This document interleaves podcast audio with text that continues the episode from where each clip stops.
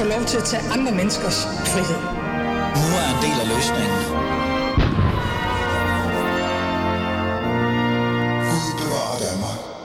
Ja, Gud bevarer Danmark som altid. Velkommen til. Du lytter til Alis Fæderland, og mit navn er som altid og altid og altid Ali er min Ali. Snart sagt, hver uge ser vi i Danmark overskrifter om mindreårige og teenager, der begår knivstikkeri. Øh, det seneste endte her i dobbeltdrab i Tostrup, vest for København, i starten af marts. Ifølge Københavns politi står de mindreårige også bag hashandel på Christiania. Altså mindreårige hashandel Christiania. Og på den anden side af Øresund er svenske mindreårige sågar involveret skyderier og drab i hedtid uanset omfang. Der spekuleres faktisk nærmest i, at det er dem, der skal gøre det fra bandernes side. Hvad i alverden egentlig er det, vi er vidner til? Og er banderne i gang med en bevidst og kynisk at rekruttere mindreårige for at skærme de voksne bagmænd? Og her tænker jeg ikke kun på Sverige, jeg tænker faktisk på Danmark her i fædrelandet. Eksperterne mener, at det er alt for let for kriminelle bander at rekruttere nye unge medlemmer, ikke mindst over internettet, og derfor har SVM-regeringen lovet en ny bandepakke, der vil vi citerer, gør det mere op med bandernes fødekæde og styrke lillebror-indsatsen, som der står i regeringsgrundlaget. Vi dykker ned i både udfordringerne og værktøjskassen, men også bare generelt, hvad hulen er det egentlig, der foregår her i Fæderlandet. Som sagt, du lytter til Alis Fæderland, og mit navn er som altid Ali Aminali. Og jeg bærer ikke kniv, selvom I måske tror, jeg gør. Jeg har kasket på i det mindste. Lad os komme i gang.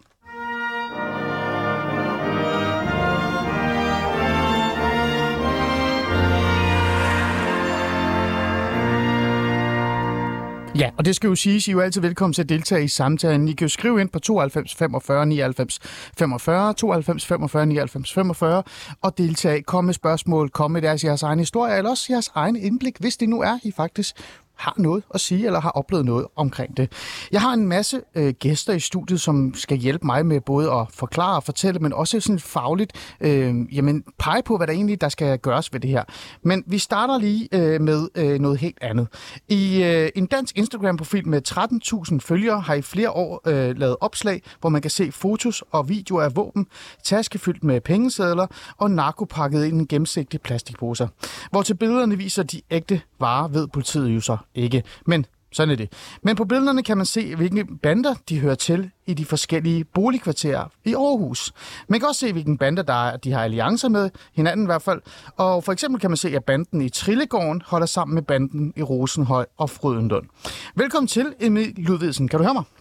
Det kan jeg i hvert fald. Tak skal du have. Du er fagkonsulent ved Center for Digital Pædagogik med speciale i online fællesskab, og så er du øh, Aarhus-based. Er det ikke rigtigt?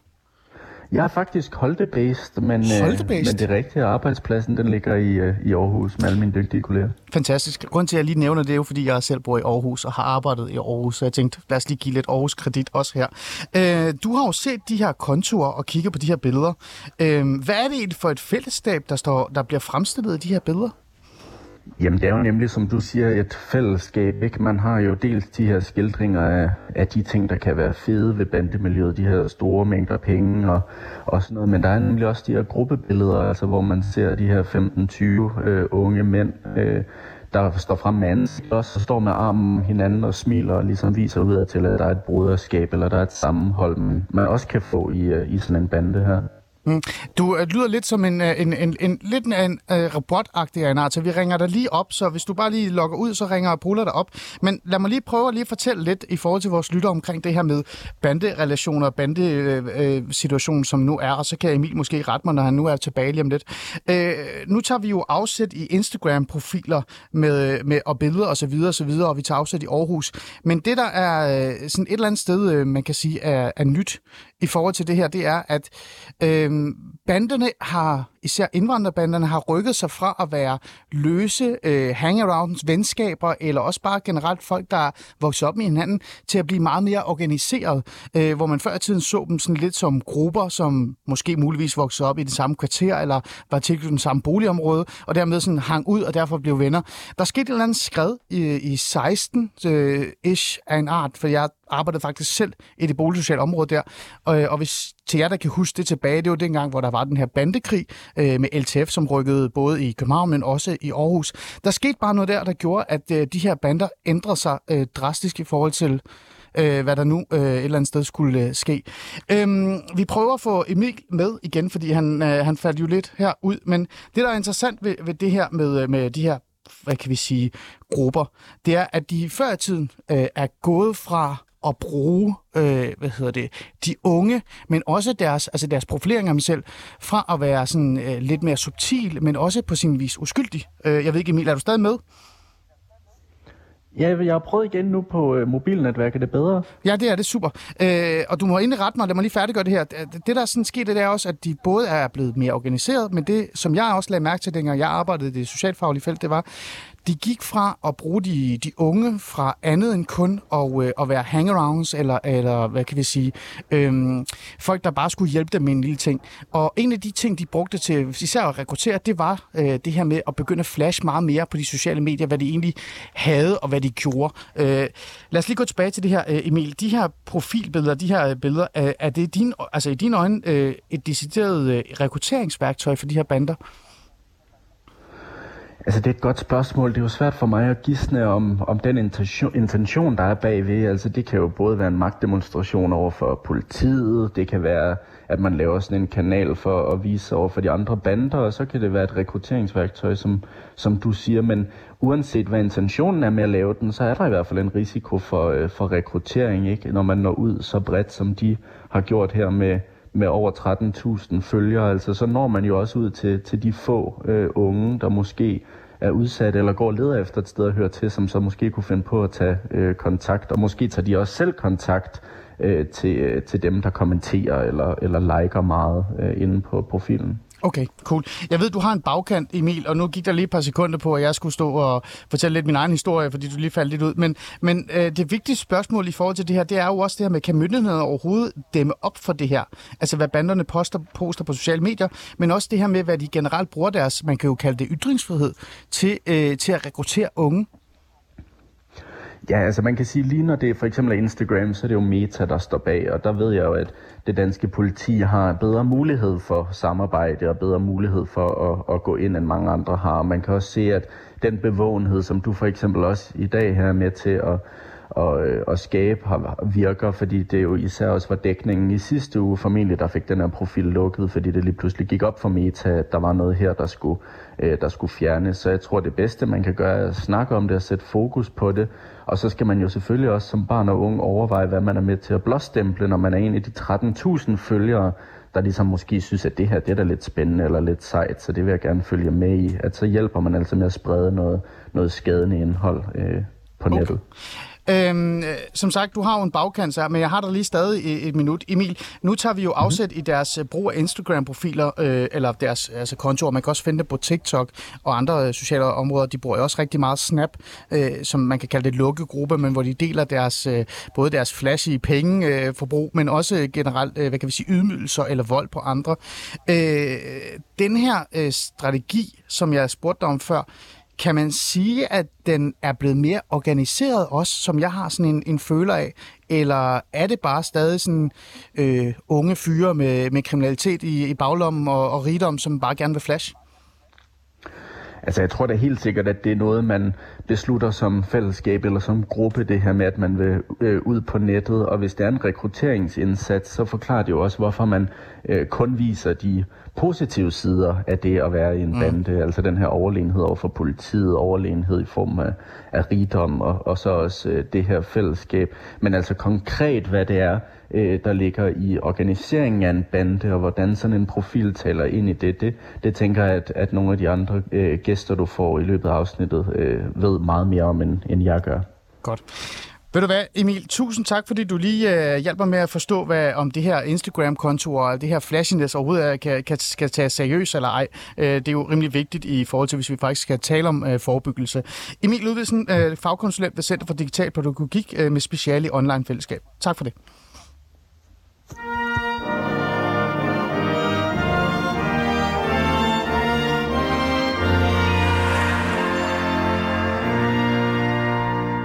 Ja, vi er jo i gang med programmet, og det jeg forsøger i dag, det er jo reelt at sætte fokus på øh, banderekruttering, men især de unge, og jeg kalder det nærmest øh, børnekriger i bandeland øh, på en måde. Men før vi når dertil, og jeg nok skal forklare, hvorfor jeg reelt set bombastisk vinkler det på den måde, så skal vi jo have nogle gæster, der kan hjælpe mig med at, at fortælle lidt mere om, hvordan situationen står til. Lad mig sige velkommen til dig, David. Er du med? Jeg skal lige finde ud af, om hvilken mikrofon, der virker her, fordi tingene er lidt, de driller lidt her. Kan du sige, velkommen igen? Ja, det er fint. Ved du hvad, vi skal nok få det til at virke. David, jeg sætter lige nogle, øh, nogle ord på dig. Du, er, du hedder David Savsdal, du er lektor i kriminologi ved Lund Universitet i Skåne, og så har jeg lagt mærke til, at du ved rimelig meget om, øh, hvad kan vi sige, øh, det der sker i Sverige også især. Er det ikke rigtigt forstået? Jeg prøver i hvert fald. Det er lidt u, kan man sige, uundgåeligt, når man øh, arbejder derovre og følger med i, hvad der sker, og har de interesser, jeg har. Præcis. Jeg har inviteret dig i studiet, fordi øh, det jo stikker helt af i Sverige med mindreårige gerningsmænd i bandernes rækker, der står bag drab og væbnet overfald på stribe. Det har vi jo talt en del om. Jeg tror faktisk også, vi to har talt lidt om det. Øh, 6 ud af 7 politikredse i Sverige har de seneste år kunne berette om, at flere og flere børn bliver rekrutteret til svenske bander og til kriminelle netværk. Og det kan være helt ned til 12-årige, øh, når de begynder at arbejde for banderne. Så lød i hvert fald vurderingen fra svensk politi i 2020. Øh, Hvis vi starter med Sverige, og det giver mening, jeg skal nok forklare, hvorfor vi tager Sverige. Hvor alvorlig er situationen i Sverige generelt? Jamen, den er jo utrolig alvorlig, ikke? Men øh, Sverige er jo gået fra at være et øh, mønsterland til at være et mareridtsland, kan man sige, på relativt kort tid. Hvis vi går til 15 år tilbage, så var det jo det her fantastiske øh, skandinaviske velfærdssamfund, som vi alle sammen kender og stadigvæk tænker på, når vi tænker Sverige, tror jeg. Ja. Men så har de jo fået det her, den her store parentes, og meget ulykkelige parentes, som er deres bandekriminalitet, som jo i mange år har været langt over niveau i forhold til Danmark, i forhold til resten af Europa, og som er eskaleret, eskaleret yderligere her øh, det seneste år eller to. Inklusive selvfølgelig den her problematik i forhold til de meget unge børn, der rekrutteres mm. ind i banderne. Øhm, er dit indtryk, at det er bevidst rekrutteringsstrategier sådan for de her svenske bander i forhold til at bruge især de unge? For der er jo noget lovgivningsmæssigt også, øh, der, der, der støtter op omkring, at det er i hvert fald øh, det giver mere mening på grund af straf. Jamen, det er, der er jo den kriminelle arvalder som sådan en eller anden form for streg i sandet, som er lidt interessant. Øh, det, det er da helt sikkert. Jeg tror, man skal passe på nogle gange øh, med at tale om det som sådan en rekruttering direkte, for man har en eller anden idé om, at der står en med en guldrod af en slags, mm. og så er der en øh, ung 12-13-årig knæk, som tænker, den her guldrod skal jeg fat i. Folk forstår, hvad jeg mener. Den er ja. ikke en guldrod. Øh, og sådan er det sjældent, det fungerer. Øh, vi alle sammen kan tænke os tilbage til, når vi er 12-13 øh, år gamle, øh, hvordan man tænker, hvordan man øh, lever livet. Det er ikke så simpelt, at man sådan, øh, på den måde søger øh, den nye flotteste guldrød rundt om hjørnet ved et bandemedlem. Det er ofte en større fortælling om, øh, lidt op på øh, guldrød, ikke? Sådan, øh, en mix mellem pisk og guldrød. Ja. Øhm, og det ved man også. Jeg har, hvis vi kan gøre lidt mere anekdotisk, jeg kender selvfølgelig forskning på området, men jeg har selv siddet med i en del efterforskninger, hvor man sidder og, og lytter med på øh, politiets aflytninger, hmm. hvor de også øh, aflytter folk, der øh, rekrutterer unge, lad os kalde det det, eller i hvert fald øh, med bandemedlemmer, der øh, taler med unge, øh, og det er jo ikke kærlige toner, der kommer ud. Nej. Det er tit afpresning. Mm. Øh, det er tit sådan, øh, øh, trusler om vold og vold, mm. for at få folk, unge mennesker, børn, til at deltage i kriminelle handlinger. Så det er i hvert fald vigtigt, tror jeg, når vi taler rekruttering, at vi ikke har en anden, er sådan en rosenrød idé om, at det er sådan en, øh, ja. Øh, ja, unge børn, der tiltrækkes af, lidt op på det, der talte om tidligere, mm. af hvor overdrevet sejt og fedt det er at være bandemedlem. Det er ikke mm. kun det, det er også et spørgsmål om vold og pres. Nu når du er i gang med anekdoter, jeg har også selv en masse anekdoter, jeg nok skal tage ind, fordi mm. jeg reelt set også vil høre jeres øh, fortolkning af det også. Øh, men men, øh, men øh, nu, altså, har du et konkret eksempel på det? Jeg ved godt, det er jo så aflytninger, så du kan jo ikke mm. sige navne og så videre, mm. Men er der et konkret eksempel, du kan nævne, øh, som, som virkelig beviser det her? Jamen, det kan, det kan jeg godt øh, nødt til ligesom at, at anonymisere det lidt. Selvfølgelig. Øh, men øh, øh, en aflytning, jeg var med, øh, øh, deltog i, hvad man siger, lyttede med, med på, for at det er så snart sådan, øh, syv år tilbage, men det var i forbindelse med øh, noget bandekriminalitet, og øh, faktisk bandekriminalitet, men som øh, relaterede sig til indbrudskriminalitet, mm. som banderne jo også har ja. været en del af. Øh, og det var så øh, AK81, man var interesseret i, nogen af regnene var med der, og så var der en aflytning af en, øh, en ældre AK81, og her skal man huske på, at de ældre AK81 ikke er specielt gamle, for det er jo dem, der bliver rekrutteret videre ind ja. i HA'erne. Øh, men hvor man har aflyttet ham øh, og har lytter sig med på nogle afspillinger øh, af, at den her person øh, tror en ung øh, knægt og, øh, og fortæller om, at han, han jo skal huske på, at han har gennemtævet en af hans venner, så derfor så er han nødt til at lave et knæk i en øh, juveler, hvis jeg ikke husker helt mm. forkert. Så det er et konkret eksempel på det. Og hvis man skal gøre det lidt spændende her, så ja. kan jeg fortælle dig, at øh, udover at jeg sad med der, så sad den nuværende statsminister også med, for hun var okay. på besøg dengang i den afdeling, hvor jeg sad, som justitsminister. Det var da øh, interessant. Ja, jeg ved ikke, hvor relevant det er, men det er i hvert fald spændende, øh, Ja. kan man sige. Så hun, hun har også fået det her indblik i, Ja. hvad det handler om, når vi taler om Ja. Så det ikke er så lyserødt det hele. Det er grus, det er også lidt grumt og lidt øh, mudret i virkeligheden. Øh, men det er jo et interessant øh, altså, anekdote, du kommer med her. Øh, lad os lige komme tilbage til det her med, øh, i hvert fald til det danske billede, øh, hvordan det ser ud her. Du har jo sagt, at det ikke er, der er ikke noget nyt i, at bander rekrutterer helt unge. Øh, det er i hvert fald ikke noget, der sådan er lige sket i morgen. Der har altid været den her interesse, både trusselsmæssigt, men også bare generelt øh, sådan interesse. Øh, men kan man sige, at det er blevet nemmere at komme i kontakt med de unge de senere par år, både på grund af sociale medier, men også bare generelt i forhold til organisering, fordi jeg vil jo gerne stå fast, og du må virkelig gerne rette mig, det er jo her en forsker eller en person med viden skal rette mig, ikke? for jeg er jo bare praksiserfaring. Øh, erfaring. Min erfaring var jo, at efter 16, så skete der noget drastisk i forhold til organisering, men også bare den, den måde, man generelt gik til det at være bandemedlem på mm. i Danmark. Øh, så er der sket noget nyt? Man må jeg stille spørgsmål. Hvorfor efter 16? Hvad... Jeg tror, det var fordi, at jeg lagde i hvert fald øh, mærke til, at før 16, der var jeg sådan tit i kontakt med, hvad kan vi Du sige, du rådløse... Øh, Du mener 16 år gammel for dig? nej, nej, nej, 2016. Okay. 2016. Nej, nej, undskyld. sige, så ung troede jeg sig selv ikke. Nej, nej, nej, jeg er 40. Jeg, jeg, jeg, jeg er færdig lige med, David. Nej, øh, 2016, undskyld. Ja, okay. Okay. øh, før 2016, der var jeg sådan, jeg var i kontakt med rigtig mange af de her rådløse typer, som også var en del af små bander, du ved, og det er jo især i Aarhus, ikke? Øh, men efter 16-17, hvor LTF virkelig kom ind og, og bare satte gad, altså brand i det, til det hele, så blev folk mere organiseret, mm. øh, og gik også mere, øh, jeg, jeg, har, jeg har ikke lyst til at sige det, professionelt til det. Mm. Øhm, så kan man sige, at den her rekrutteringsproces øh, måske også er blevet nemmere, men også mere professionelt. Tager LTF som eksempel, så var det jo, kan man sige, hele deres manual eller ethos at professionalisere det øh, med blik på, hvordan banderne gjorde det. Så der kan man jo sige, der er i hvert fald noget i det, der godt kunne tyde på det. Øh, men hvis vi starter med det første, du spurgte om, Ja. så synes jeg i hvert fald, det er vigtigt det her med, øh, øh, jeg lever jo ofte af at- slukke branden, skulle jeg sige, som, mm. som kriminolog. Ikke? Folk vil gerne fortælle om, at nu har det aldrig været værre, og så skal jeg gå ind og sige sådan, øh, øh, kære venner, det har også været rimelig slemt før, eller det er faktisk ikke så slemt, som vi tror. Ja. Øh, og, og det er jo også udgangspunktet. Vi skal huske på, at øh, hvis vi kigger på det brede kriminalitetsbillede, også i forhold til udsatte boligområder, hmm. så går det ret godt.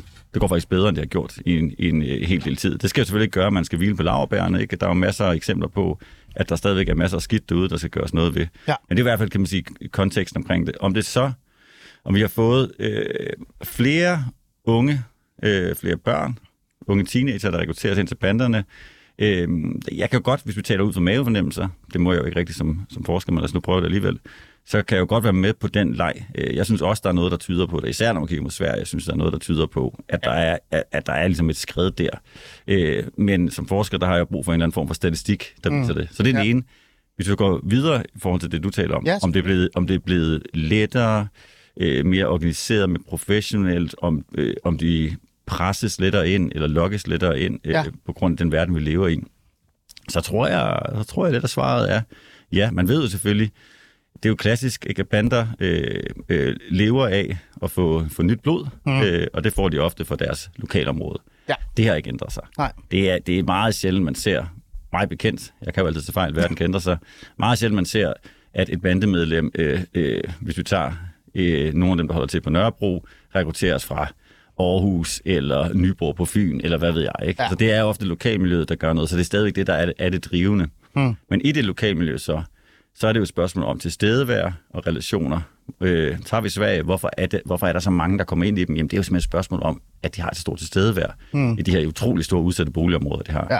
Så det er den klassisk gamle historie om udsathed i forskellige grader, alt fra fattigdom til, til dårlig integration, mm. til øh, øh, øh, hvad hedder sådan, familier, der ikke fungerer specielt godt, fædre, der ikke er derhjemme. Alt det her, vi, vi ved ligesom primer folk til at begå kriminalitet, og så, at når man træder uden for døren, mm. jamen så er de seje drenge, de hårde drenge, de er der over det hele, mm. og det gør jo noget for de her unge, som så suges ind i det. Mm. Det er den ene ting, mm. lokalområdet. Jeg må fortsætte. Det må du meget gerne. Ja, ja. det, jeg talte jeg om står bare og sluger det. Ja, det til super det, vi talte om, eller I talte om tidligere, Ja. til digitale og sociale medier, Ja. så det er noget, der interesserer mig meget, øh, og egentlig også, hvad skal man sige, skræmmer mig lidt. Mm. Vi lever jo i en, i en verden, som er en fuldstændig ny verden. Ikke? Vi er alle sammen sådan glade amatører, det- når det kommer til det store dejlige internet og de sociale medier, når det kommer til stykket. Øh, og man ved jo, og det ved enhver gadeplansmedarbejder og, og kriminalitetsforebygger, at rigtig meget af de unges inspiration, og også truslerne, ikke nu sker på en lokal sportsplads. Nu er jeg fra en lille bitte landsby på Fyn, ikke? Der var man ligesom beskyttet nogenlunde, når man sad derhjemme. Ja. Også før mobiltelefonens tid, ikke? Men så kunne man gå ned på sportspladsen, og så dele erfaring og blive inspireret eller få et par på hovedet. Ja. Sådan er det jo ikke længere bare. Ikke? Nej. Rigtig meget af det sker via de her sociale medier, og det er en verden, som øh, mange af de gadeplansmedarbejdere, jeg taler med, øh, har svært ved at 100% få styr på, og svært ved at øh, kontrollere, kan man mm. sige. Ikke? Mm. Så arbejdet er jo flyttet online, mm. men vi er jo ikke rigtig fuldt med. Hverken Nej. forskningen er der alt, alt for lidt på, hvad det betyder. Det er det, som vi talte om tidligere. Ja. Hvad er der for nogle, det man kalder kriminogeniske effekter? Altså, hvad er det, der ligesom på en eller anden måde gør, at folk bliver kriminelle og rekrutteres ind i banderne? Øh, er det provokationer? Er det de her ydmygelsesvideoer? Er det gangsterfantasier, øh, fantasier, som lokker dem ind? Sandheden er, vi ved alt for lidt om det. Mm. Så det, sådan, den debat, synes jeg er ekstremt spændende her, og det er noget, vi skal tale meget mere om, både mm. på et praksisniveau, mm. men også som forskere, at man skal blive bedre på at komme ind og prøve at undersøge, hvad er det, de her sociale medier gør i forhold til at få suget en ny generation af eksempelvis bandemedlemmer ind i kriminaliteten. Mm.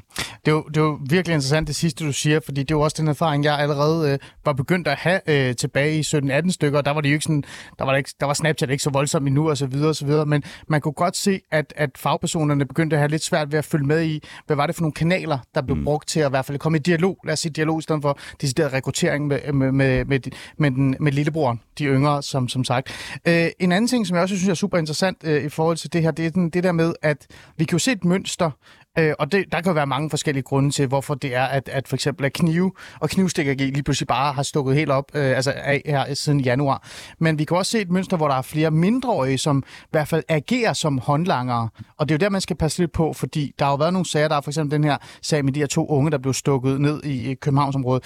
Øh, man skal jo passe på med at, at sige, at det her det er banderelateret. Det kan være mange forskellige ting, og der er ikke 100% på det endnu, men men kan der være noget at snakke om, at de her mindreårige på en eller anden måde også er begyndt at tage øh, en, en yderligere, øh, hvad kan vi sige, voldstilgang til, til sig, fordi de måske er inspireret øh, ved at se alle de her sociale medier? Øh, ja, lad mig starte igen med, med sådan et, det kedelige svar, som er... Jamen, det er jo derfor, du er her. Du skal jo sige det kedelige ja, svar. Ja, jeg er også en kedelig, så det passer meget godt. Nej, men øh, jeg tror, det er vigtigt det der med, ikke, at, øh, det er det, du også selv siger, ikke, at ja. man passer på med at pusse alt så meget øh, til før man ved, om den er der. Ikke? Og ja, der har, har været en lille trend, en lille bølge her i starten af året. Det skal man være opmærksom på. Sådan, men er det noget, der fortæller et, et, en historie om et nyt fænomen? Det, det skal vi vide lidt mere om. Men lad os nu købe ind på det og sige, her har vi et, et problem. Og, og, og jeg kan godt selv have lidt den, den uro i kroppen. Ja. Øhm, fordi øh, den mere klassiske fortælling, også når jeg taler med, med gamle bandemedlemmer, når jeg læser de bøger, der er skrevet om det osv., øh, jamen så taler man jo tit om, kan man sige, at, at når du rekrutteres ind, jamen, så rekrutteres du også ind til sådan, de lidt mindre opgaver. Lad os tale sådan, ikke? Mm. Lidt ligesom et hver virksomhed, der skal ansætte, ikke? Så, øh, så kommer du ikke lov til, får du ikke lov til at lave de, de, øh, det hårde arbejde til at starte med. Ja. Øh, selvfølgelig er det heller ikke chefen selv, der render rundt og skyder og dræber folk, for det vil være lidt dumt, så ryger han jo ind. Men altså, der er i hvert fald en eller anden idé om, man skal lige sådan ind i systemet. Og jeg synes, der er, er noget lidt bekymrende ved, at man ser, især i Sverige, hvis vi tager det som eksempel, ja. at så unge børn, som det jo er, øh, går direkte fra, øh, eller det er også det spørgsmål, altså går de direkte fra et, et, et ikke-kriminelt liv til at tage en øh, kniv eller pistol i hånden og så dræbe en, mm. eller er det et udtryk for, at de allerede har været i gang, siden de har været til 11 år, ikke? Og hvis det, hvis det er det her, det handler om, så er der jo sket en form for forrådelse af de, de yngre, øh, kan man sige, mm. øh, børn og teenager i Sverige. Og det er undskyld, mit franske skulle være tragisk, mm. at, øh, at det er det, man ser. For det synes jeg ikke, man har set på samme måde før, mm. hverken i Sverige eller Danmark. Mm. Men vi er ikke så langt overhovedet i Danmark endnu, vel? Det synes jeg ikke. Nej, godt. Lad os lige sige uh, pænt goddag til en anden gæst, også i studiet. Vi får jo flere gæster ind, som skal hjælpe mig med at et eller andet sted at kvalificere den her samtale. Velkommen til, Ali Naja. Naja? Naji. Naji, du skal lære mig dit navn. Ali Naji. Ja, du er jo tidligere bandemedlem. Nej, og... det er jeg ikke. Uh, det... Kom med det. Jeg er uh, tidligere aktiv i miljøet. Uh, tidligere aktiv og det er meget vigtigt at pointere, at når man er aktiv bandemedlem eller rockermedlem, så er man underlagt et hierarki og nogle regler, som gør, at du ikke rigtig kan gøre, som det passer dig. Mm. Når du er aktiv i miljøet, så kan det være, altså så har du sådan, hvad kan man sige, underlagt dig selv, mm. og har dit eget hierarki og, og regler. Mm. Udadtil er det ikke så vigtigt, men os, som har en fortid i det her miljø, er det super vigtigt, at man, når man præsenterer en, så præsenterer man det rigtigt. Mm. Øh, og man kan hurtigt misforstå miljøet, fordi man aldrig nogensinde dykker helt ned ind i det. Det er også derfor, det er interessant at snakke om de her ting omkring, hvorfor de her ting skal læse, som de gør. Mm. Men meget vigtigt at pointere, at man præsenterer de rigtige mennesker med de rigtige stillinger. Så det er jo derfor, jeg har dig med, ikke? Og det er derfor, jeg har David Sausland med, og det er derfor... Og du bliver faktisk Jeg bliver- chokeret, fordi jeg tror faktisk, alle, der er i det her studie, undtagen en politiker, der kommer lige om lidt, har faktisk noget faglighed i det. Man kan jo godt kalde din form for viden også en form for faglighed i virkeligheden. Helt sikkert. Så, så det er jo rigtig godt, du lige øh, får det på plads. Øh, du er også mentor. Det må jeg godt kalde dig, ikke? Jo, jeg er også øh, blandt andet mentor, øh, men jeg vil helst, øh, helst sige, at jeg er blevet forfatter, fordi det er en ny titel, jeg lige har fået, som er en, øh, som er en, en, en milepæl, jeg har nået, i håb om at, øh, at nå de her unge mennesker, som vi skal til at snakke om, øh, i forhold til, hvad der sker i Danmark. Mm. Fordi det er jo yngre jeg, som mm. man ser lige nu, øh, Præcis. florere rundt i Danmark. Øh, Du er, du er nyslået forfatter og aktuel med bogen Overlev, øh, og tillykke med det, Ø. Tusind tak for Ikke? Den, øh, den skal jeg lige have fat i, den skal jeg glæde mig til at se. Øh, Aline, der er jo meget at tale om her, men jeg vil gerne starte med at se, om, om der reelt set er et mønster i det her med, at rekrutteringsprocesserne er blevet øh, bedre, at man har mere fokus på de unge osv. Ikke fordi man ikke har, altså man har selvfølgelig haft det før. Så lad mig lige starte med at spørge dig om det her, som vi har talt om lidt. Ser du et mønster her, her hvor for eksempel de her bander er blevet i hvert fald mere opmærksom på de mindreårige i forhold til det grove arbejde?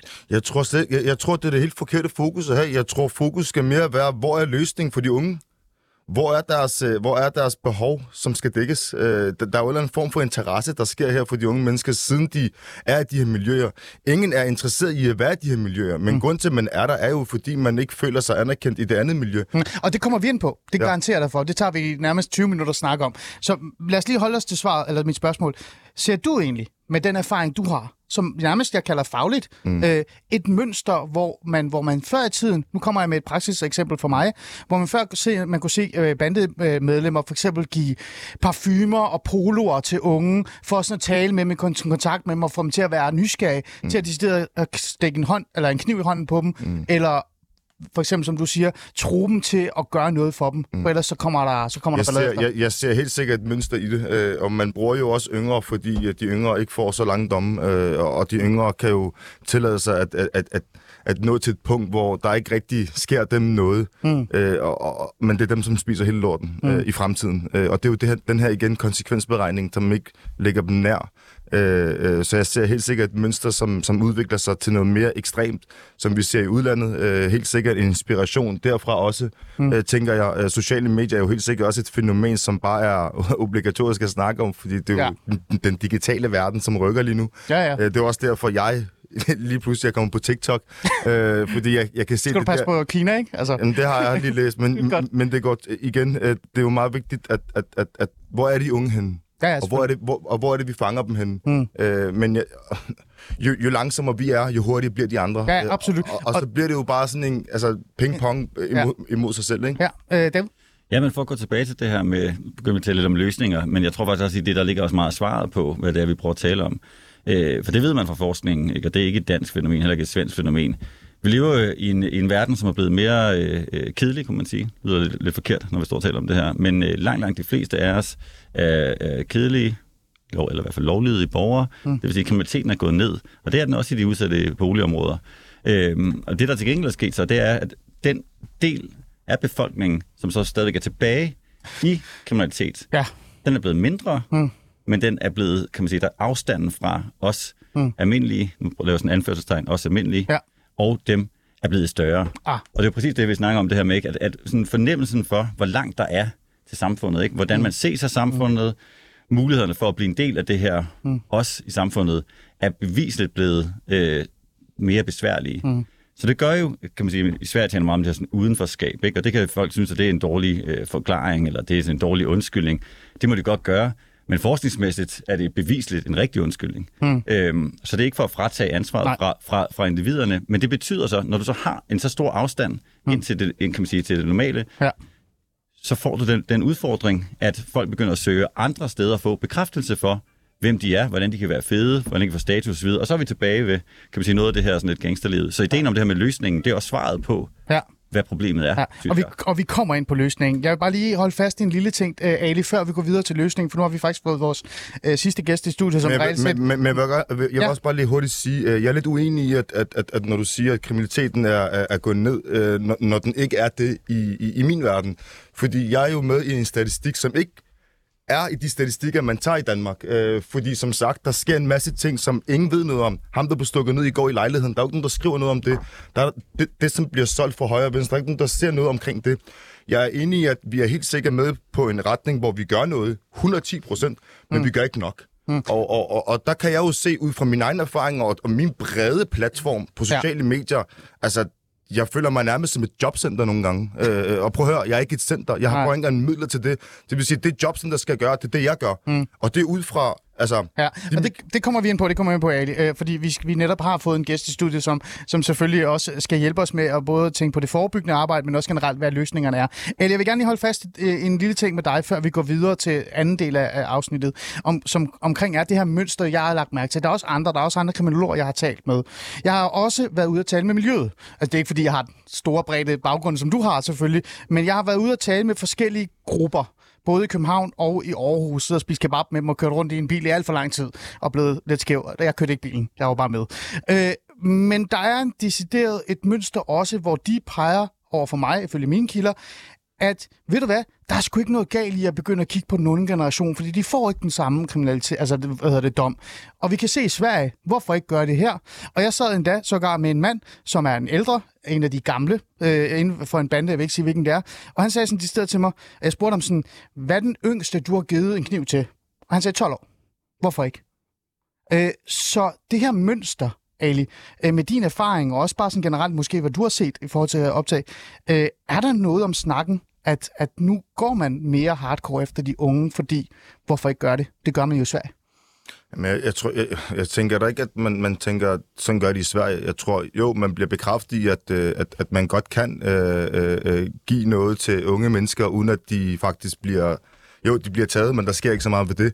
Og hvis de bliver hardcore udrustet til at kunne snakke med politiet, jamen så er der ikke rigtig meget ved sagen, og så er det bare, hvad det er. Og så er det en skideball derhjemmefra, og måske også bliver anbragt på et eller andet tidspunkt. Men så har vi en ung, der er ude på kanten og, og, Og så er han på vej. og, og kører sit show. Ja. Øh, øh, så, så jo, jeg ser helt sikkert et mønster i, at man, man bruger de unge mennesker til at gøre nogle, nogle ting, som de ikke skal gøre. Nogle gange er det også bare for at holde en kniv, så jeg kan tage den efterfølgende fra dig. Ja, Men præcis. så har den unge jo en Rambo-kniv på sig og føler sig lidt som Rambo. Ja. Og, og, og så er det lidt svært, når han står over for nogle andre 12-årige, som måske ikke har en kniv, og så har han den her attitude foran sig, og en 12-årig har jo ikke rigtig udvokset sin frontallapper, så han kan jo ikke rigtig konsekvensberegne i forhold til, hvis en af jer kommer op og skændes lige nu, så trækker du den her op, og så stikker du. Ja. Og du ved jo ikke engang, hvad du gør Nej, nej.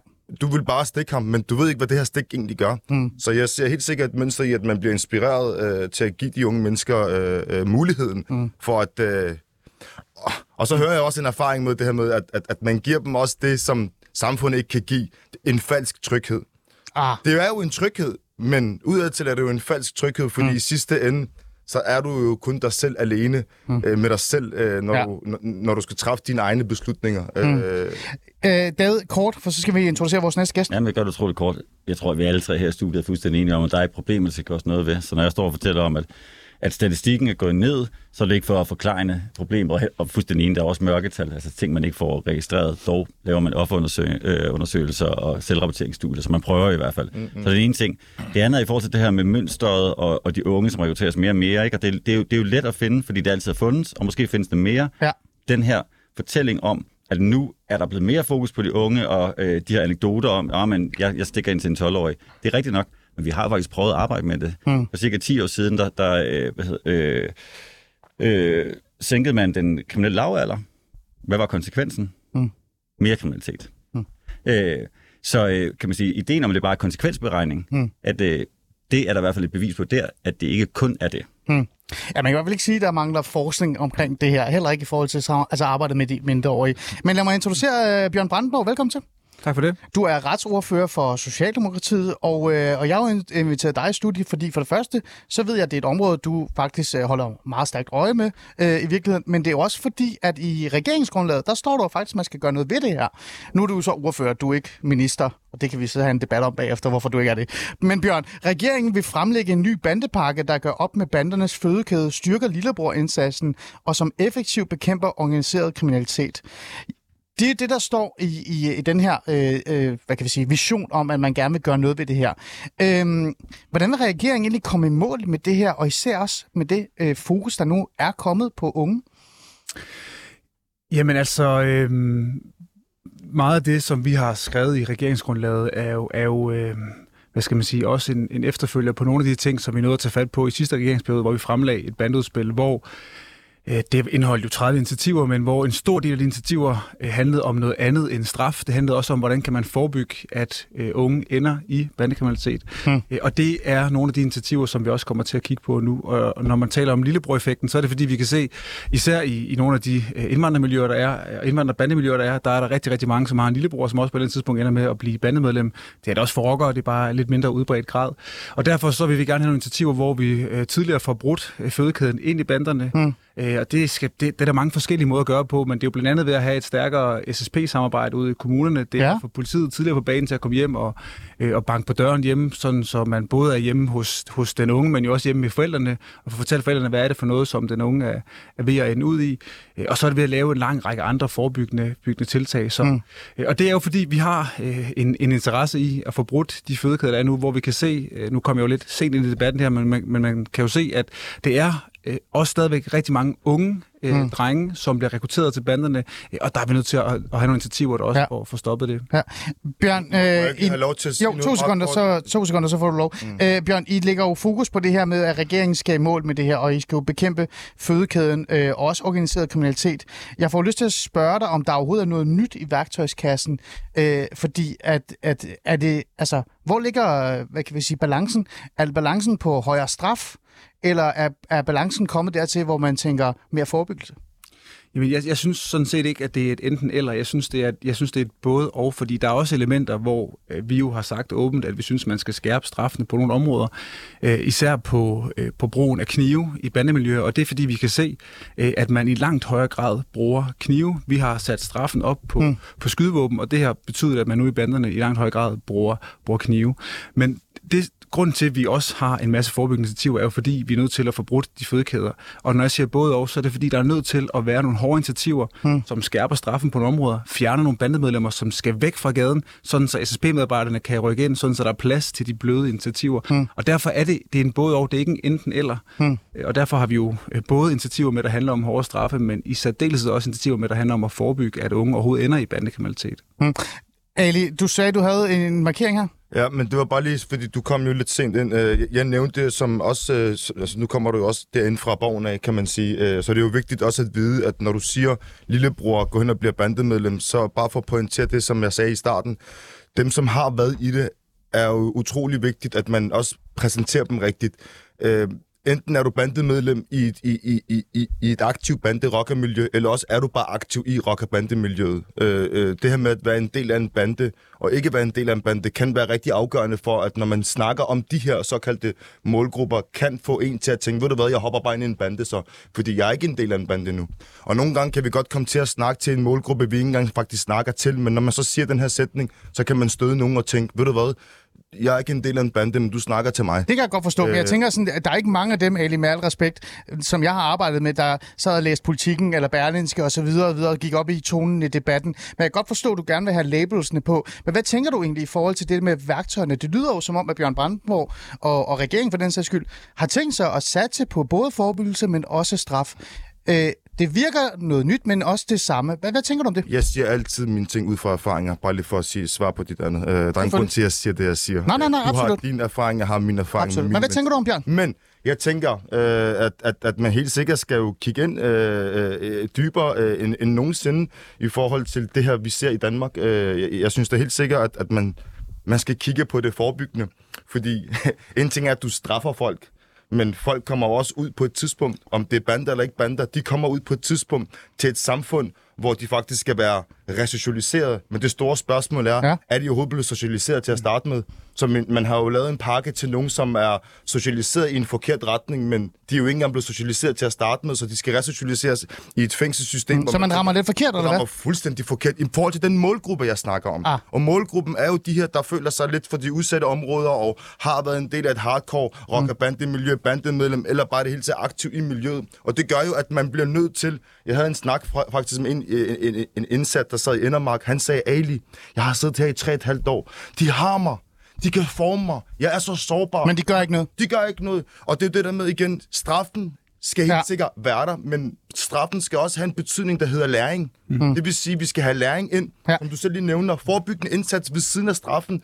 Om du skal skærpe eller ej, der skal bare være noget, som giver mening i forhold til, når de kommer ind.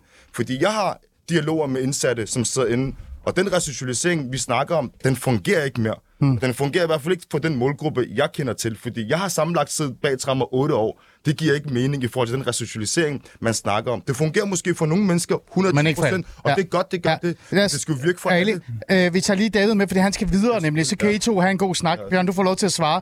Øh, nej, men du har meget på hjertet, det er super fint. Øh, David, marker. Jamen, jeg har også meget på hjertet. Jeg er vant til, at der sidder 100 studerende, og jeg bare kan få lov til at stå og Ja, tale, i to timer, ikke? men sådan er det jo ikke her heldigvis. Øh, øh, vi taler om straf og, og resocialisering. Hurtigt kommentar til det. Øh, det skal vi så ikke gå ind i, men jeg kan sige, at det er nogle af de dårligste værktøjer, der er i kassen. Altså både, straf? Både straf og rehabilitering er noget, hvor man har meget, meget, kan vi sige, der er meget lille effekt på i forhold til, om det er strafmenneskene. Ah. Så forebyggelse er the way to go. Tak.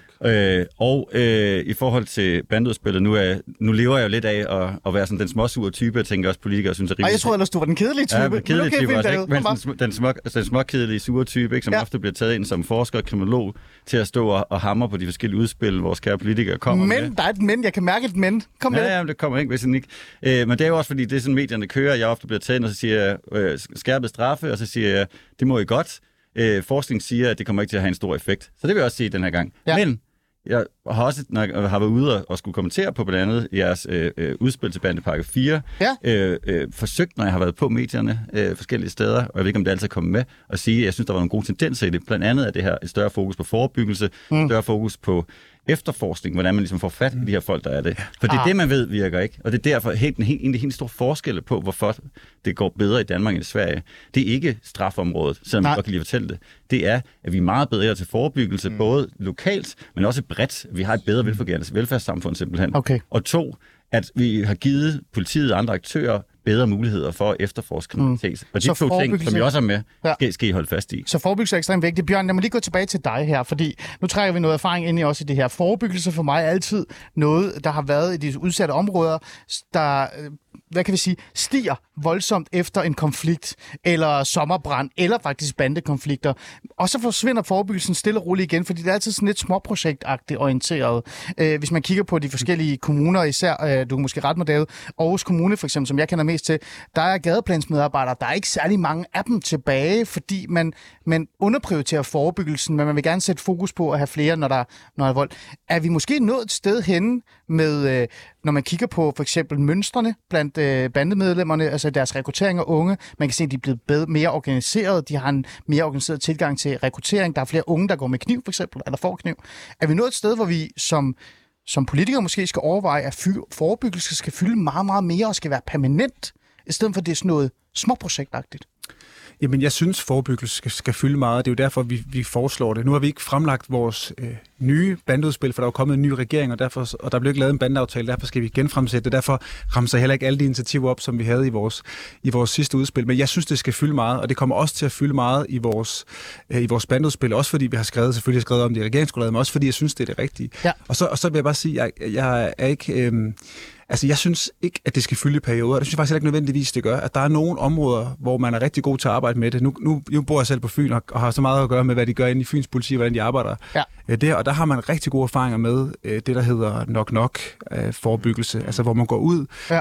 og går i opgangene banker på døre hos de der og fortæller forældrene, at man har registreret, at deres unge mennesker, de er i et miljø, hvor... Mm. det er et der- permanent, der- øh, tilbud eller permanent tilbud. Ja. Nogle af de initiativer kender man også fra Københavns politi. Dem ruller man ud nu, eller noget af det, vi foreslår, kommer til at foreslå, at man skal rulle dem ud, sådan, så de mm. gælder til hele landet. Så i virkeligheden handler det om, at vi skal have mere forebyggelse, men vi skal have alle de gode initiativer, som vi har på tværs af landet, til at gælde i hele landet, sådan, så vi får alle de gode øh, mm. egenskaber, der er, og alle de gode bruge øh, forebyggelsesinitiativer til at gælde i helt andet sted for kun at dække nogle områder. David, du skal lige med, du skal altså videre, men du får lige sidste ord, så skal du afsted. Jeg er nødt til at løbe. Øh, det her, det synes jeg lyder meget fremragende, og det er også det, øh, som vil være min sidste opfordring. Det er jo, at øh, nogle gange så taler vi om de her ting, som om, at det er sådan en sort boks, øh, som om vi ikke ved noget Ej, det er om det det, og, så man, og man ikke kan gøre noget ved det. Der er masser af forskning på det her område, øh, og det her, det skal være en åben invitation. Øh, jeg, øh, som, øh, jeg tror, jeg er måske den eneste, skal passe på, jeg er tæt på, tror jeg, er den eneste med en forskeruddannelse i kriminologi, som er i Danmark. Mm. Jeg ved det ikke. Men i hvert fald, jeg har rimelig godt styr på de her ting. Der er også folk, der er endnu dygtigere end mig. Jeg har aldrig, som næsten aldrig været inviteret ind til en debat Ja. med politikere, øh, Ja. for, for at prøve at dele min viden. Og jeg er meget interesseret, jeg tror, vi har jo samme mål alle sammen, ikke? Ja. Ja. Vi vil jo gerne løse det her problem, og der er ingen, der ønsker, at 12-13-årige skal øh, suges ind i kriminalitet. Så skal være en åben opfordring. Jeg vil meget gerne komme, øh, og jeg har øh, okay styr på, hvad der virker kriminalpræventivt, og ellers så kender jeg nogen, som har endnu bedre styr Ja. på det. Så, Ja. så brug os, Så åben kære politikere. Bjørn, det kunne være, vi skulle lave sådan en konference. Jeg altid gerne ville være med Ja. til at lave sådan en konference på Christiansborg, mig og dig. Men det, det, kan, det kan vi da sagtens gøre, og jeg vil da meget gerne tage imod øh, invitationen. Du er meget velkommen til at komme ind og, Ja. og drikke en kop kaffe, og lad os få en snak om det. Altså, for jeg tror da også, der er nogle ting, som vi ikke nødvendigvis er helt enige om. Altså, fordi jeg, som jeg siger nu, vi har en masse forebyggelsesinitiativer, men jeg synes stadigvæk, der er et vigtigt element, som handler om, at det går på to ben. Altså, vi ruller, øh, mm. vi bruger nogle hårde initiativer for også at kunne rulle de bløde ud, og derfor kommer straf også til at være et element, fordi straf handler om, om mange andre ting. Det handler, mm. det handler både om hensynet til, til offeret, det handler om gerningspersonen, som også skal ind i spillet for at kunne blive resocialiseret, ja. og så handler det selvfølgelig også om hensynet til, til samfundet. Mm. Øh, Ali, øh, jeg har jo altid sådan stået der og tænkt, at en af de, de sjoveste mennesker at tale med omkring, hvilken straf man så også kunne bruge. Fordi forebyggelse er vi jo alle sammen enige om, og vi kan jo nærmest tale om det i 10 øh, timer omkring, hvor, hvor godt forebyggelse er, er, altså hvor vigtigt det er. Ikke? Mm. Men når jeg også taler med, øh, med, med miljøet omkring, hvilken straf de reelt set selv burde blive udsat for, så er de faktisk meget hårde også over for dem selv. Øh, hvis man skal have den der balance, som Bjørn nævner, øh, hvad er det mest drastiske, du kunne trække op af dit værktøj i forhold til den faglighed, du har, men også kan gøre brug af, af altså over for de her bandemedlemmer, som hardcore går efter unge, eller bare har besluttet sig for, at det er deres liv, og der bliver de for evigt? Mm. Altså, når man er i spjældet, eller når man er udenfor? Jamen begge dele. Altså kort, vi har ikke så meget tid, men hvad Ja, tænker men, du? Altså, jamen, altså øh, tænk, jeg er jo så altid sådan, når jeg spørger nogle gange, så er de sådan lidt, altså prøv at høre, hvis du virkelig vil have noget med mig at gøre, så skal du smide mig i spillet i 20 år, og sådan noget, ikke? Mm, men så kan du også arbejde med mig, sige. Mm. Altså, altså, altså, altså, altså, som jeg altid har nævnt, øh, det er meget enkelt. Lyt til deres behov, øh, og lad med at lytte til deres egoer. Øh, egoer er jo noget, der er bygget op omkring det, som de har været udsat mm. for hele deres barndom og deres teenage- og voksenliv mm. øh, øh, gennem årene. Men jeg tror bare, at det er vigtigt, at man lytter til, hvad det er, de, hvad de egentlig siger, og hvad er det, der har virket for andre, fordi det er præcis samme opskriftsskabelon, mm. som bliver brugt, hvor man bare fylder noget anderledes på, fordi vi er forskellige mennesker. Mm. Men det her med at lukke nogen inde i nogle rammer, det er noget, vi har brug for, mm. fordi vi kan ikke selv finde ud af at sætte mm. vores egne rammer. Mm. Og, Men man og- siger og når- for eksempel, når man siger for eksempel, at hvis man nu... Øh, det, Bjørn, ret mig gerne, ikke? Men en politiker kunne godt tænke sådan her, at hvis vi ser, at der er en eskalering, et mønster i for eksempel, at, at flere unge har kniv, mm. så lad os bare sætte øh, øh, loven op, altså hvad hedder det, ikke loven, men straffen op i forhold til at gå med kniv, eller at hvis man finder nogen, øh, giver kniv videre til unge, mm. så lad os straffe dem med 5, 6, 7 år mere. Mm. Vil, det, vil det være en god løsning? Jamen altså, hvad er en god løsning? Altså, Jeg ved det godt, jeg prøver. Jamen helt sikkert, det er, også det, det er også derfor, vi er her. Altså, en løsning er jo en løsning ud fra det, som vi, vi, vi kan se det foregår. skræmme nogen, tror og, og, og når du sidder og siger 5-6 år, så, så er der helt sikkert en, en stor del, der kommer til at tænke, vi skal fandme ikke have nogen stabber på os, altså en, en kniv. Ja. Og det ender jo med, at måske en, en masse ikke går rundt med kniv, men hvad ligger der ved siden af det med dem, som så bliver taget med kniv? øh, øh, i forhold til den forebyggende indsats. Øh, jeg vil også gerne lige have lov til at sige meget kort, at når folk de kommer ind, så er det også vigtigt at forstå, at de kommer også ud med en gæld. Altså nu har jeg Altså, jeg, jeg vil ikke snakke om min gæld, men prøv at høre, jeg har sammenlagt siddet 8 år bag trammer. At se de renter, prøv at høre, jeg får 7,5 kroner i timen, mm. når man sidder bag trammer, mm. hvis ikke 13 kroner. Renten for min egen gæld for sagsomkostninger er jo mere end det. Så når jeg kommer ud, så er jeg jo blevet undskyld mit sprog, men jeg kunne trække bukserne ned og sige, ved I hvad, tag mig bagfra også. Og det er jo det, jeg føler er den modstand ja. for unge mennesker, som kommer ind Det er vigtigt, du siger det her. og kommer ud igen, fordi ja. resocialisering, hvad er det, det egentlig handler om? Det handler om personlig udvikling jo. Mm. At vi kommer tilbage til samfundet med de rigtige øh, værktøjer. Ja. Og igen, Bjørn, øh, Bjørn jeg, jeg kunne måske også øh, tænke mig at komme ind og, og snakke med jer, fordi jeg har rigtig meget på hjertet i forhold til de løsninger, jeg ser, der skal til. Fordi jeg er jo blevet løst, kan man sige, mm. øh, i forhold til, hvad jeg har været igennem. Ja. Bjørn, der er jo meget, og du kan godt, at vi bliver nødt til at lave den her konference, mig og dig. Vi finder en dato, jeg skal derop. Jeg har aldrig været derinde. Men, men Bjørn, det her med forebyggelse, forebyggelse og det her med straffen. Øh, der må da være noget konkret, du kan huske, eller du godt sikkert ved fra den bandepakke, som måske kan hjælpe med de her ting, vi har stået og snakket om i dag. Jeg vil starte med at sige, at I alle sammen er meget velkommen til at kigge forbi, og vi kan også godt kigge på, om, om vi skal lave en, Det bliver til noget, en, en konference eller en høring af, hvad du gerne vil lave.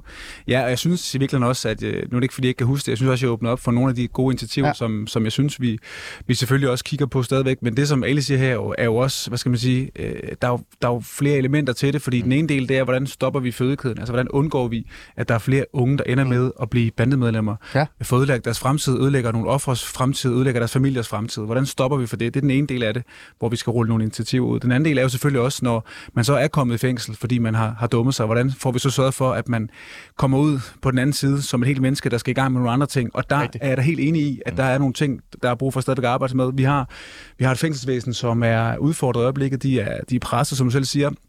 Øh, Du kender nogen, der sidder inde, som ikke føler, at der er tid til at arbejde med deres resocialisering.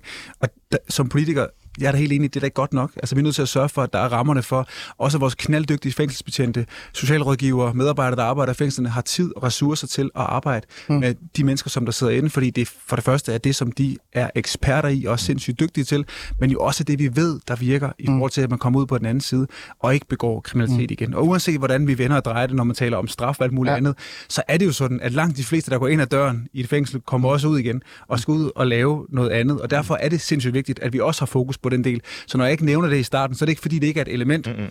Men der er, der, der er flere forskellige trin i det her. Der er det, der handler om at, bryde fødekæden, og så er der selvfølgelig arbejdet med dem, der allerede sidder inde. Mm. Og vi har også i regeringsgrundlaget, vi har også et spor, der handler om øh, at kigge på, hvordan har vi, kan vi inspirere, os inspirere andre, der har gode erfaringer med resocialisering? Kan vi gøre noget anderledes mm. i Danmark? Fordi vi er enormt optaget af mm. også at sørge for, at når man kommer ud på den anden side, at man er øh, et menneske, der har en god fremtid foran sig. Mm. Bjørn, jeg bliver nødt til at, sådan lidt at spørge dig lidt, øh, fordi at, øh, at banderne udvikler sig, øh, organiseret kriminalitet udvikler sig i Danmark. Det er blevet ja. noget helt andet, end det var for 10, 15, 20 år siden.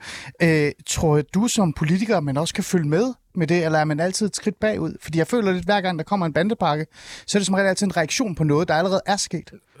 Du snakker, til, jamen, du snakker til min sjæl, når du snakker. Ja, hvad, hvad det- tænker du? det Jeg vil bare lige høre Bjørn, hvad han tænker, fordi vi har ikke så lang tid. Nej, nej, men jeg- Tror du, ja, man altid vil være et skridt bagud? Jeg tror, det der grundlæggende er med kriminalitet, det er jo, at det tit er noget, man skal opklare et problem, der er sket, og derfor er der nogen, der har fundet på et problem, som vi så skal løse efterfølgende, og Ja. derfor vil man tit, øh, som oftest, skulle reagere på noget, der er sket. Ja. Men øh, jeg tror, noget af det, vi bygger ovenpå i vores bandepakker, det er jo ikke, fordi vi laver en bandepakke 4, fordi vi synes, det er sjovt, eller fordi at man gerne vil lave en bandepakke. Nej. Det er jo fordi, vi har haft nogle andre bandepakker, hvor vi ikke siger, de har ikke været dårlige, eller det er ikke fordi, vi synes, at nu har de løst alle problemer. Vores udgangspunkt med en ny bandepakke er jo at lægge til og sige, det, der ikke var med i det, eller de erfaringer, vi kan se, der har virket, mm. eller noget af det, der ikke har virket i de bandepakker, der fremlægger vi en ny en, hvor vi lægger de ting til, som der er brug for mere af. Og det er blandt andet Ja. at få stoppet fødekæden. Men det er for eksempel også det, du siger, et, et, et større fokus på opklaringssporet. Altså, Ja. at der er flere ressourcer til Enormt at fange vigtigt. bagmændene. Fordi det, vi, noget af det, vi også lægger op til, det er jo at kigge på, kan man kriminalisere det at rekruttere til bander. Og det kan lyde sådan lidt flyvsk, men det handler om, at i dag er det sådan, at hvis nu peger jeg bare på dig, det er ikke fordi, det er dig, der er den, Ja. men hvis du går ned på et gymnasium som bagmand, stikker mobiltelefonen i hånden på nogle gut og siger, nu skal du sælge has på det her gymnasium her, så vil det meget, meget sjældent være dig, der bliver fanget, fordi det er Så meget, meget svært at bevise. Så skal det fordi vi fanger dig med posen med, med klumper nede på gymnasiet, og det gør man sjældent. Og der, der, der har vi også brug for meget, meget, øh, meget, meget hvad skal man sige, øh, øh, stærkt også at kunne sende et signal om, at vi også vil ramme de bagmænd, som lokker unge og rekrutterer unge til kriminalitet. Og der kommer det der også til at være et element. Så det er bare for at sige, der, der er mange forskellige steder, hvor vi skal sende, og det, og det kommer vi også til at gøre. Øh, der er virkelig meget at tale om her, øh, øh, Ali, og, og jeg tænker sådan, at du har meget mere på hjertet. Så det, jeg vil sige, det er, at vi kommer faktisk til at lave et nyt afsnit om det næste uge. Jeg er allerede i dialog med et par stykker andre, som skal komme ind og sætte mere fokus på det. Du er meget velkommen der.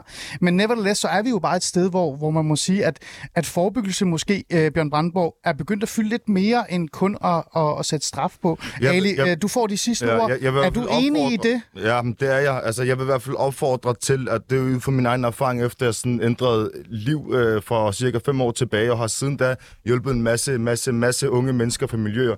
Men det her med at bruge nu de eksterne aktører, som er på jorden, til at komme ind og, og, og være ved det store bord og, og give mulighed for at give noget af deres erfaringer. Mm. Øh, fordi jeg tror, det kan være afgørende for, at man træffer de rigtige beslutninger. Fordi som du selv lige nævnte, der var nogle knivstikkerier sidste år, som jeg var vidne til.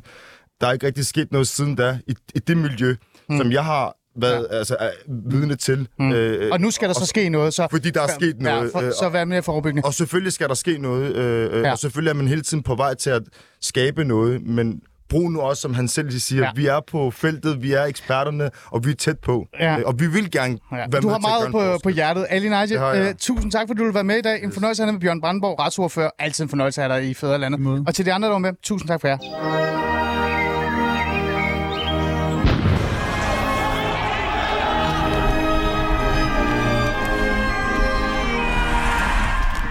I skal ikke få lov til at tage andre menneskers frihed.